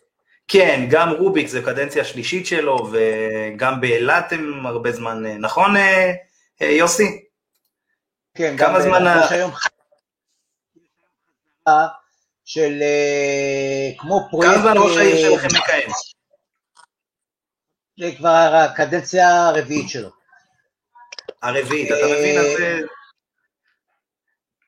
אבל יש היום חזרה למה שהיה פעם פרויקט שיקום שכונות של דוד לוי בזמנו, אז יש היום משהו דומה, שיקום שכונות אה, ישנות, וגם אה, אה, אה, בניינים ושכונות שעברו בזמנו שיקום לפני אה, 30 שנה, חוזרים לשקם אותם היום, בסכומים שהמדינה מקציבה. יפה מאוד. יאיר, מעניין אותי לדעת על, זאת אומרת, כמה תושבים יש היום במגדל העמק, ומה האחוז של אנשים שבעצם מגיעים לשם, הגירה פנימית, מה שנקרא. הגירה פנימית פחות קיימת, זאת אומרת, אין פה הגירה חיובית בצורה מאוד מאוד משמעותית. יש פה קצת הגירה שלילית מצד אחד של אנשים, תושבי המקום, שבעצם רוצים להתפתח יותר, מצד שני יש פה הרבה עלייה לעיר, אה, כל שנה נקלטים כאן משהו כמו 200 או 300 עולים לפחות, אה, שזה יפה מאוד. אה, לצערי ההגירה פה היא לא חיובית במיוחד. לא, לא, זה הבנתי. למה, למה אנשים בעצם מגיעים להתגורר במגדל העמק? לא משקיעים, למה, למה זוג צעיר יבוא לגור שם? מה, מה הקטע? בדרך כלל ההורים שלו גרים כאן, הוא עובד כאן באזור במשהו, המחירים פה יחסית נוחים, זאת אומרת, אה, העיר הגדולה הקרובה כאן זה עפולה או חיפה. אה, יש הרבה אנשים שלא רוצים לגור בעפולה בגלל שהיא כבר נהייתה עיר גדולה מדי, בגלל שיש שם אוכלוסייה מעורבבת מדי, אז הם כן מעדיפים את האווירה המשפחתית והחמה של מגדל העמק. אני לצורך העניין לפני שלוש שנים התלבטתי בין עפולה למגדל העמק, וכשבאתי למגדל העמק הרגשתי בבית, אני יליד בית שמש, ומגדל העמק של היום היא נראית כמו בית שמש לפני 15 שנה. אז ממש. עכשיו, מה מבחינת העניין של ההתחרדות? יש לא מעט אנשים שמפחדים מהעניין הזה של המתחרדים. שוב פעם, אני, אין לי שום בעיה נגד שום מגזר. אני חייב לציין שאני עד גיל, אה, מגיל 12 באחד גיל 16 הייתי כמעט אה, חרדי. לא יודע אם סיפרתי לך את זה, אבל הייתי דתי ממש אדוק. אה, שבת ומקווה ומה שאתה לא רוצה, גמרא ומה לא למדתי. וזה מעניין מאוד, זה פתח לי את הראש, זה, זה דבר מדהים, ובגיל 16 ככה, עכשיו אתה יודע, זה יותר אה, קידוש ודברים כאלה שהם אה, זה, אבל אה, אני מאוד, מאוד מאמין. אז אין לי שום, אז, אבל, אבל מעניין אותי לדעת כמה מבחינת ההתחרדות, כי גם בערד, ערד היא מתחרדת, וגם באופקים אנחנו רואים אוכלוסייה שם של 30-35 אחוז מהעיר, ש... זאת אומרת הפריפריות מתחרדות כי מאוד זול, אז מגיעים לשם הרבה מאוד חרדים. תספר לנו קצת על זה. תראה, במגדל העמק אה, יש פה מה שנקרא קריה חרדית, שקיימת כמעט בכל עיר שאני מכיר, אבל אה, באמת מדובר בשתי רחובות מאוד ספציפיים. כל שאר העיר היא אוכלוסייה מאוד מאוד מגוונת, יכול להיות אה, ממש מכל, מכל האוכלוסייה שקיימת. יש פה איזה סוג של סטטוס קוו מאוד נוח, זאת אומרת, לא תראה כאן חנויות פתוחות בשבת, ולא תראה כאן, העירייה לא תקדם דברים שיעבדו בשבת מצד אחד, מצד שני אתה לא תראה בהכרח בפרסומים רק גברים ורק שחור ולבן. יש פה קיום ודו-קיום מאוד מאוד נוח ומאוד נעים. אה, אבל את השאלה לגבי התחרדות, אני כן אשלח אותך לאחי משה בבית שמש, הוא בטח ידע לתת לך תשובה יותר טובה. אה, משה, משה מבית שמש, אתה איתנו על הקו? מקווה שכן. משה, נראה לי איתנו, הנה הוא כותב, שיעיר איזה שליטה, תמצא לי נכס. משה, אתה איתנו? אה, כיף גדול, חברים, איך עד עכשיו אתם נהנים? בשירי. אחי, מה זה, לבשיר יש מעריצים, אני חייב להיות חבר שלו, זה פשוט לא להאמין. אה, בשירי, אני הולך לקנות לך כתר, כל ה... כל ה... גם בנות כותבות לך פה, יא מלך, אלוף. אחי, אתה שולט שם בקריית שמונה, אני רואה, יפה, יפה, יפה, בסדר, יש מה ללמוד, יאיר. יש לנו מה ללמוד. יש לנו מה ללמוד. הנה, דנסקר כאן, יפה. דנסקר, אתה רוצה לעלות, אה, אה, לעלות ככה ולספר לנו קצת על בית שמש? מעניין אותנו מבחינת העניין של ההתחרדות, מה אתם אומרים, נעלה את דנסקר? חייב. נעלה אותו, הנה עוד אנסטסיה כותבת. מלך הנדל"ן, מה קורה פה, בשירי, אתה השתלטת על השידור, אה, חברים של בשירי, חוצפנים, תלכו מפה, סתם, שתפו את השידור לכמה שיותר. כל הכבוד, מי שאומר מילה טובה על בשירי. האמת שזה מדהים לראות, איזה פרגון מדהים, וחבר'ה, שברנו שיא, היום היינו, עמדנו מעל 200 אנשים ב live, שזה באמת מדהים, אנחנו כבר מעל שעה מדברים, זה אומר שזה מספיק מעניין. אה, דנסקר, אה, שלחתי לך לוואטסאפ, אז אה, תיכנס ותראה. הנה, אני עכשיו מעלה את דנסקר. ודנסקר יספר לנו על ההתחרדות בבית שמש, כי בית שמש, אני לא יודע כמה מכם יודעים, בית שמש היא, היא שוק מטורף. זאת אומרת, המחירים שם עולים ברמה מפגרת, אה, וזה פשוט מטורף, אז בואו נעלה את אה, משה דנסקר בשביל שנשמע ממנו אה, מה קורה, בואו נראה. יציב זה מה שיפה, אה, מלך הנדל"ן, אנחנו רואים בשירי, בשירי, תספר לנו מה אתה נותן להם, כמה כסף עולה כל התגובות האלה, זה לא להאמין. בן, בן, תעבוד קשה, יהיה תוצאות, מה אני הנה, אעשה? תראה. כן, נו, הנה, העלינו את גם דנסקר. דנסקר, ערב טוב, מה שלומך? הנה. עכשיו אני איתכם. שומעים אותך מצוין, מה שלומך? מה המצב, חבר'ה? לחיים. יאללה, לחיים, לחיים. חבר'ה, תרימו כולם, לחיים, חבר'ה. זה לייב פשוט מדהים ושברנו פה שיאים. יוסי, אנחנו אוהבים גם אותך, הכל בסדר? 200 איש בלייב באופן יציב, זה חזק מאוד. שזה מדהים. אה, משה, אנחנו עוד אה, כמה דקות מסיימים, אני חייב, אה, זה, האישה מסמנת לי פה. תספר לי, משה, ככה קצת על בית שמש ומה הולך שם עם כל השוק ה- באמת אה, המטורף. אנחנו, אני מכיר פשוט מחבר כרגע שמשווק שם פרויקטים, והוא אומר לי פשוט כל דירה מעלים שם מחיר, משהו מי זה? מי זה? מי זה? מי זה? אה, לא נגיד את שמו, אני אגיד לך בפרטי. אני רוצה לשמוע פרטי. שנינו, שנינו יודעים מי הוא, דבר. טוב, אה, אני יודע מי זה, הבנתי. כן, אתה... לגבי בית שמש, אז השוק המשקיעים פה הוא לא באמת בא לידי ביטוי.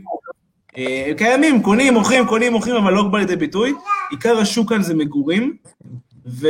והאמת היא שבית שמש, אני לא יודע אם היא כבר מתחרדת, בית שמש היא חרדית. אוקיי, היא לא מתחרדת, בית שמש זה עיר חרדית.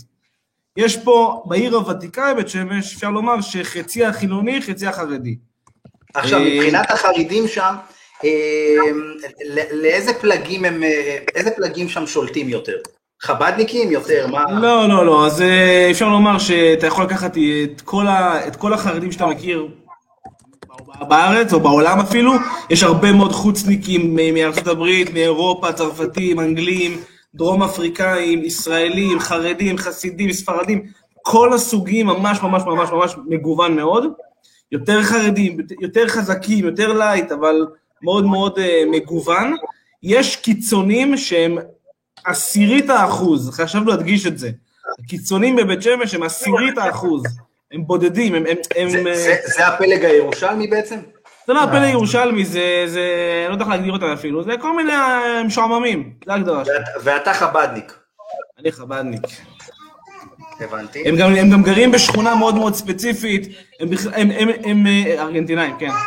הם באים לידי ביטוי רק אה, בתקשורת, הם לא באמת רואים אותם בשטח כאן בבית שמש. הם לא משה, באים- שווה להשקיע בבית שמש היום?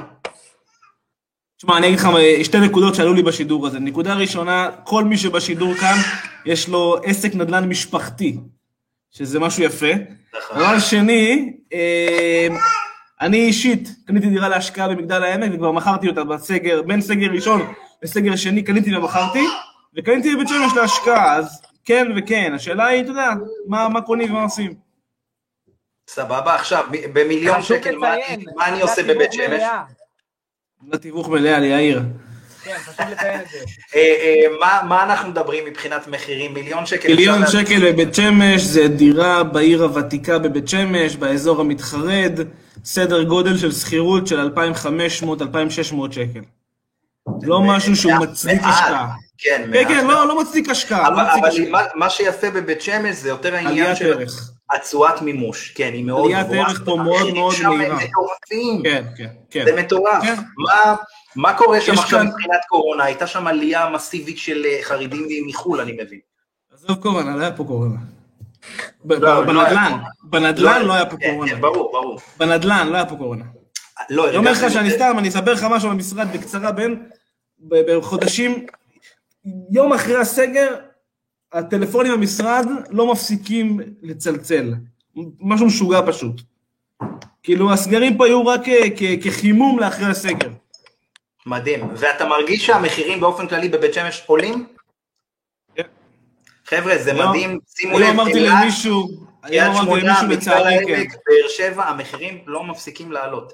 ומה מה לפי דעתך, מה הצפי בשנה? טוב, בית שמש אין מצב שהיא תרד. זה לא... אי אפשר לצפות את בית שמש. זה לא. בית שמש זה אי אפשר, זה, כי זה התפוצצות של פתאום כמויות של, אה, של אנשים שקונים. עכשיו הדירות החדשות שם פשוט לא נשאר, זה מטורף. בונים פה, בונים פה עכשיו בבית שמש, ברגע נתון זה 20 אלף יחידות דיור. וקונים, 20 קונים. אלף זה, זה שתי ערים, זה לא, זה, זה, לא יודע, זה אולי מגדל העמק וקריית שמונה יחד. כאילו, זה שכונה. לא, אני רוצה להגיד שהיתרון של... לא שומעים אותך. לא שומעים אותך בשירי. איזה כיף, עכשיו אתה שומע? כן, נהדר שומעים אותך. הנה, אלוף העולם, לינוי סופר. כן, תודה לינוי, את מספר אחד, תמשיכי להפציץ אותנו. אה, אני רוצה שתדע שבית שמש היתרון שלה שכל 20 שנה בערך היא תכפיל את עצמה. כמות הילודה שם לעומת כל מקום אחר כמעט בארץ היא מטורפת והם רוצים להישאר ליד המשפחה, האמא עוזרת, הסבתא עוזרת, והשוק שמה, מי שיש לו את התקציב, יזמים בעיקר, אני הולך לצפות שם עליית אה, מחירים לקרקעות אה, היסטרית, זה משהו באמת אה, יוצא דופן בשוק המקומי. שמואל יוסף, פה כותב תבואו לערד. שמואל יוסף, מה יש לך בערד? תספר לנו קצת, אנחנו נשמח לשמוע. משה דנסקר האלוף, הוא מהחבר'ה שלך, אני מבין. משה. שמואל יוסף זה אחד הסוכנים הכי טובים בארץ באנגלו-סקסון. מקום ראשון השני, כל שנה קבוע. כיף. לשמוע ושיהיה בהצלחה לשמואל. אה, אז אה, משה, במיליון שקל אני יכול לקנות משהו שיושכר ב-2,500 שקלים. עליית ערך, זה- זה המשחק פה. כמה יעלה עליית ערך להערכתך נכס שאני קונה? ב... אתה יודע מה? מיליון 200 קניתי נכס באזור יותר טוב. כמה יעלה עוד שנתיים? שכירות, א' כל מיליון 200 השכירות תהיה שלוש וחצי כבר באזור אחר. מיליון 250 שכירות שלוש וחצי, כי זה פרויקטים יותר חדשים. ותשמע, אני לא יודע מה יהיה בעוד שנה, אני עדיין לא נביא, אבל לפני שנה הנכס הזה עלה מיליון 200, היום הוא למיליון 300. לפני שנה וקצת.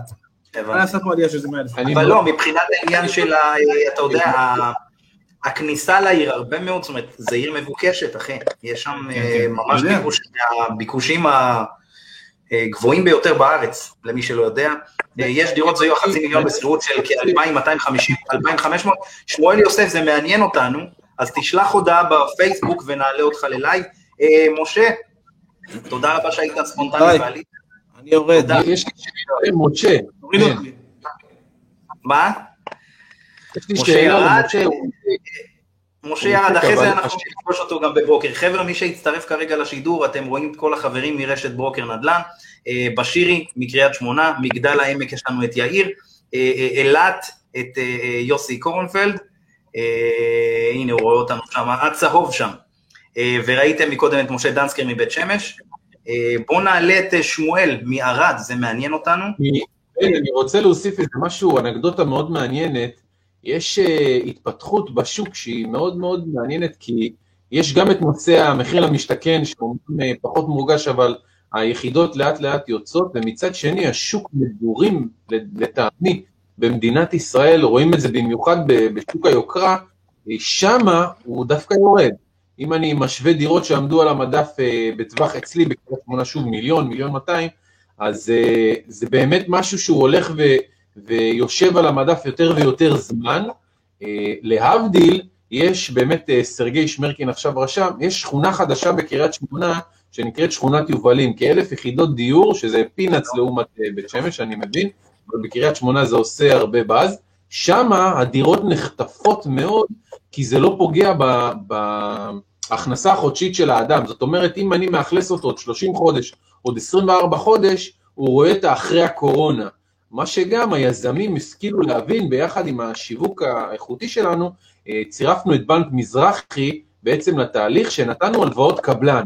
זאת אומרת, אותו אדם שמבין שהוא רוצה לקנות בית ומשלם לצורך העניין 30-70, בשביל לגשר על הפער הזה של העוד 400 אלף שקל, צירפנו מבנק מזרחי הלוואת קבלן, ואז הרוכש לא משלם משכנתה במקביל לשכירות, או יכול למכור את הבית שלו לקראת האכלוס עוד שנה וחצי, שנתיים. וזה נתן אה, פתרונות מאוד יפים, וזה גם מייבש את שוק המגורים בשוק המקומי והישן. ולכן ממה שאני רואה, ששוק המגורים דווקא, המגורים, הרכישה למגורים, היא לקראת אה, ממש ירידה יותר אה, אגרסיבית ממה שהיינו עוד בתחילת משבר הקורונה. זה למשל, להבדיל מהמשקיעים. זאת אומרת, יש שתי שווקים שונים היום במדינת ישראל, ביחד עם החמישה אחוז, אני יכול להגיד לך שהחשש היחיד שלי מהממשלה החדשה, זה שעוד פעם יעשה לנו את, ה, את התהליך הזה של 8% מס רכישה. זה מאוד יפגע במדינת ישראל לטעמי. יפה מאוד. אה, בואו נראה, ערד עלה איתנו, אני רואה שערד עדיין לא עלה. בואו נראה. טוב, לא רואה את אותה הודעה.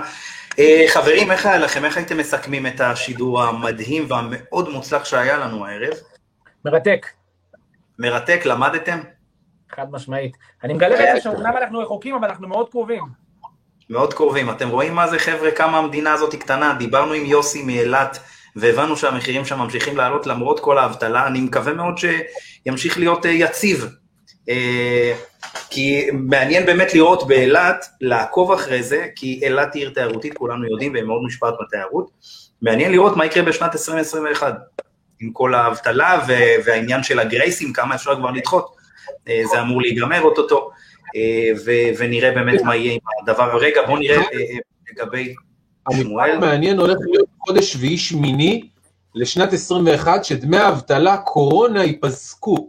תזכור את התאריכים האלה, כי זה הנקודה שבה אנשים יפסיקו לקבל כסף מהמדינה. זה מעניין מאוד uh, לראות, uh, בואו נראה, uh, ערד, אם הוא ייתן לנו ככה כמה דקה, שתיים, על ערד, מעניין לשמוע. זהו, מה אתה, איך היית מסכם את זה, דנסקר, מגדל ברוקר, מגדל העמק? תענוג, א' כל אשמח לעשות את זה יותר. Uh, כמו שאמרתי, באמת, אנחנו מגלים שבסוף הכל uh, די דומה אחד לשני. אה, אני מקווה שהמשקיעים באמת, אה, מי שצפה מתוכם, אה, קיבל פה כלים, קיבל פה קצת ידע שיעזור לו עם, ה... עם ההשקעה הקרובה שלו. יפה, אני שמח. בשירי, איך היית מסכם את זה? שמע, הכי כיף שאתה מראיין אותנו. הצוות הוא מדהים בבוקר, אני באמת חושב שאנחנו מקבלים מעטפת גדולה, מידע מפתיע, אותי לימדת הרבה. אה, גם מספיק הטיפ השבועי הזה להשתפר בעוד משהו קטן ולזנק קדימה. אני ממליץ לכל מי שחושב או, או חושש להיכנס לתהליך עם אה, ברוקר, אה, לעשות שיחה עם בן, הוא יסביר, זה מאוד קל ופשוט. ואם אנחנו הולכים על השקעות, אז כמובן, הנה, פרוסה כל המדינה, רק לבחור במה להשקיע בנדל"ן. אני יודע, מגיל 18 אני עוסק בנדל"ן. גם אם לצורך העניין עשיתי עסקה ופחות הרווחתי, תמיד הרווחתי, אבל פחות הרווחתי מהצפוי, זה שוק הכי בטוח, לא משנה איך, יש לך את השכירות, יש לך את עליית ערך. באחד משניהם אתה תצליח, ולדעתי מי שלא הבין עדיין, צריך לעשות את הצעד קדימה ולקנות נכס להשקעה במדינת ישראל, זה מס, מס. אני, אני, אני מסכים איתך ותודה רבה חברים, מי שמתווכים, אה, שעומדים בסטנדרט ברוקר, נשמח לצרף אתכם, כמובן אה, שתעמדו באמת בכל הדברים שנשלח. אה, יוסי קורנפלד, ברוקר אילת, בוא תסכם לנו ככה את השידור, איך היה.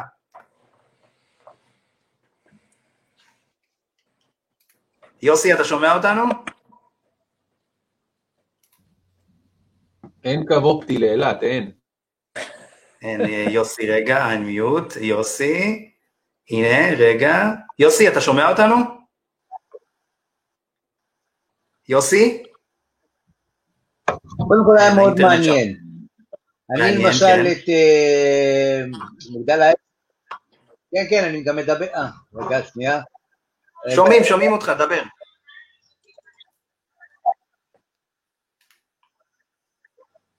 כן. כן, כן, עכשיו שומעים. קודם כל, היה, היה מאוד מעניין. היה מאוד מעניין. והיה בשבילי, אה, פעם אחרונה שהייתי במגדל העמק, פעם אחרונה שהייתי במגדל העמק זה היה לפני איזה 15 שנה, נכנסתי לשם, ואף אנשים שם, אבל אני רואה שיש שם אנשים ונחמד, ותמיד גם עניין אותי, כאילו, אה, למה אנשים גרים שם. אני רואה שאין שם חייזרים. זה אחד הדברים שמעניינים אותי. אז אה, היום אני יודע שבמגדל העמק אנשים גרים בגלל הקרבה לתעשיות הביטחוניות, בגלל הקרבה לתעשיות ההייטק, בגלל הקרבה לחיפה, וגם הקרבה ל... לא רחוק זה על אמצע הדרך בין חיפה לטבריה. יפה, יפה. Uh, זהו, תודה רבה לכל החברים פה, חבר'ה, תודה רבה שהייתם פה. Uh, אני חייב להגיד שוב פעם וחוזר, זה לא מובן מאליו, חבר'ה, מעל 200 אנשים היו פה, צפו בנו, ועוד אלפים יצפו. Uh, תמשיכו לשתף את השידור, כי היה פה שידור ברמה מאוד גבוהה. אה, ואני אקריא פה חלק מהתגובות, יאיר אלוף עולם, כיף לראות אדם שעושה את העבודה שלו עם אהבה ותשוקה, הוא דואג שהלקוח יצא מרוצה עד הגג ועושה זאת עם הרבה שמחה. חבר'ה, זה לא מובן מאליו, זה, זה עמרי פה השתלט על השידור, ואנחנו אוהבים וגם מקנאים בו קצת. אה, כל החברים של עמרי, בבקשה אה, תגידו לי לאן להעביר את הביט. תבוא, אותך יד המלכה. תבוא. אה, זה, פשוט מדהים, חבר'ה, לינוי אה, ו, וסרגי וכל החברים פה שפרגנו, אשתו של דנסקר פה תומכת ואוהבת. חברים, היה לי פשוט מדהים ותענוג. כל יום רביעי אה, יש לנו לייב בשעה שמונה בערב, נביא עוד פעם את הברוקרים שלנו. ראיתם כמה הם מקצוענים. תודה רבה עמרי, תודה רבה מגדל העמק, יאיר, היה ממש כיף. תמשיכו לשתף את השידור הזה, כי שווה שיראו אותו עוד עשרות אלפים. אוהב אתכם, ניפגש עוד רגע בקבוצה. להתראות חברים. יאללה, בן, הופעה, בן. להתראות, ביי ביי. ביי.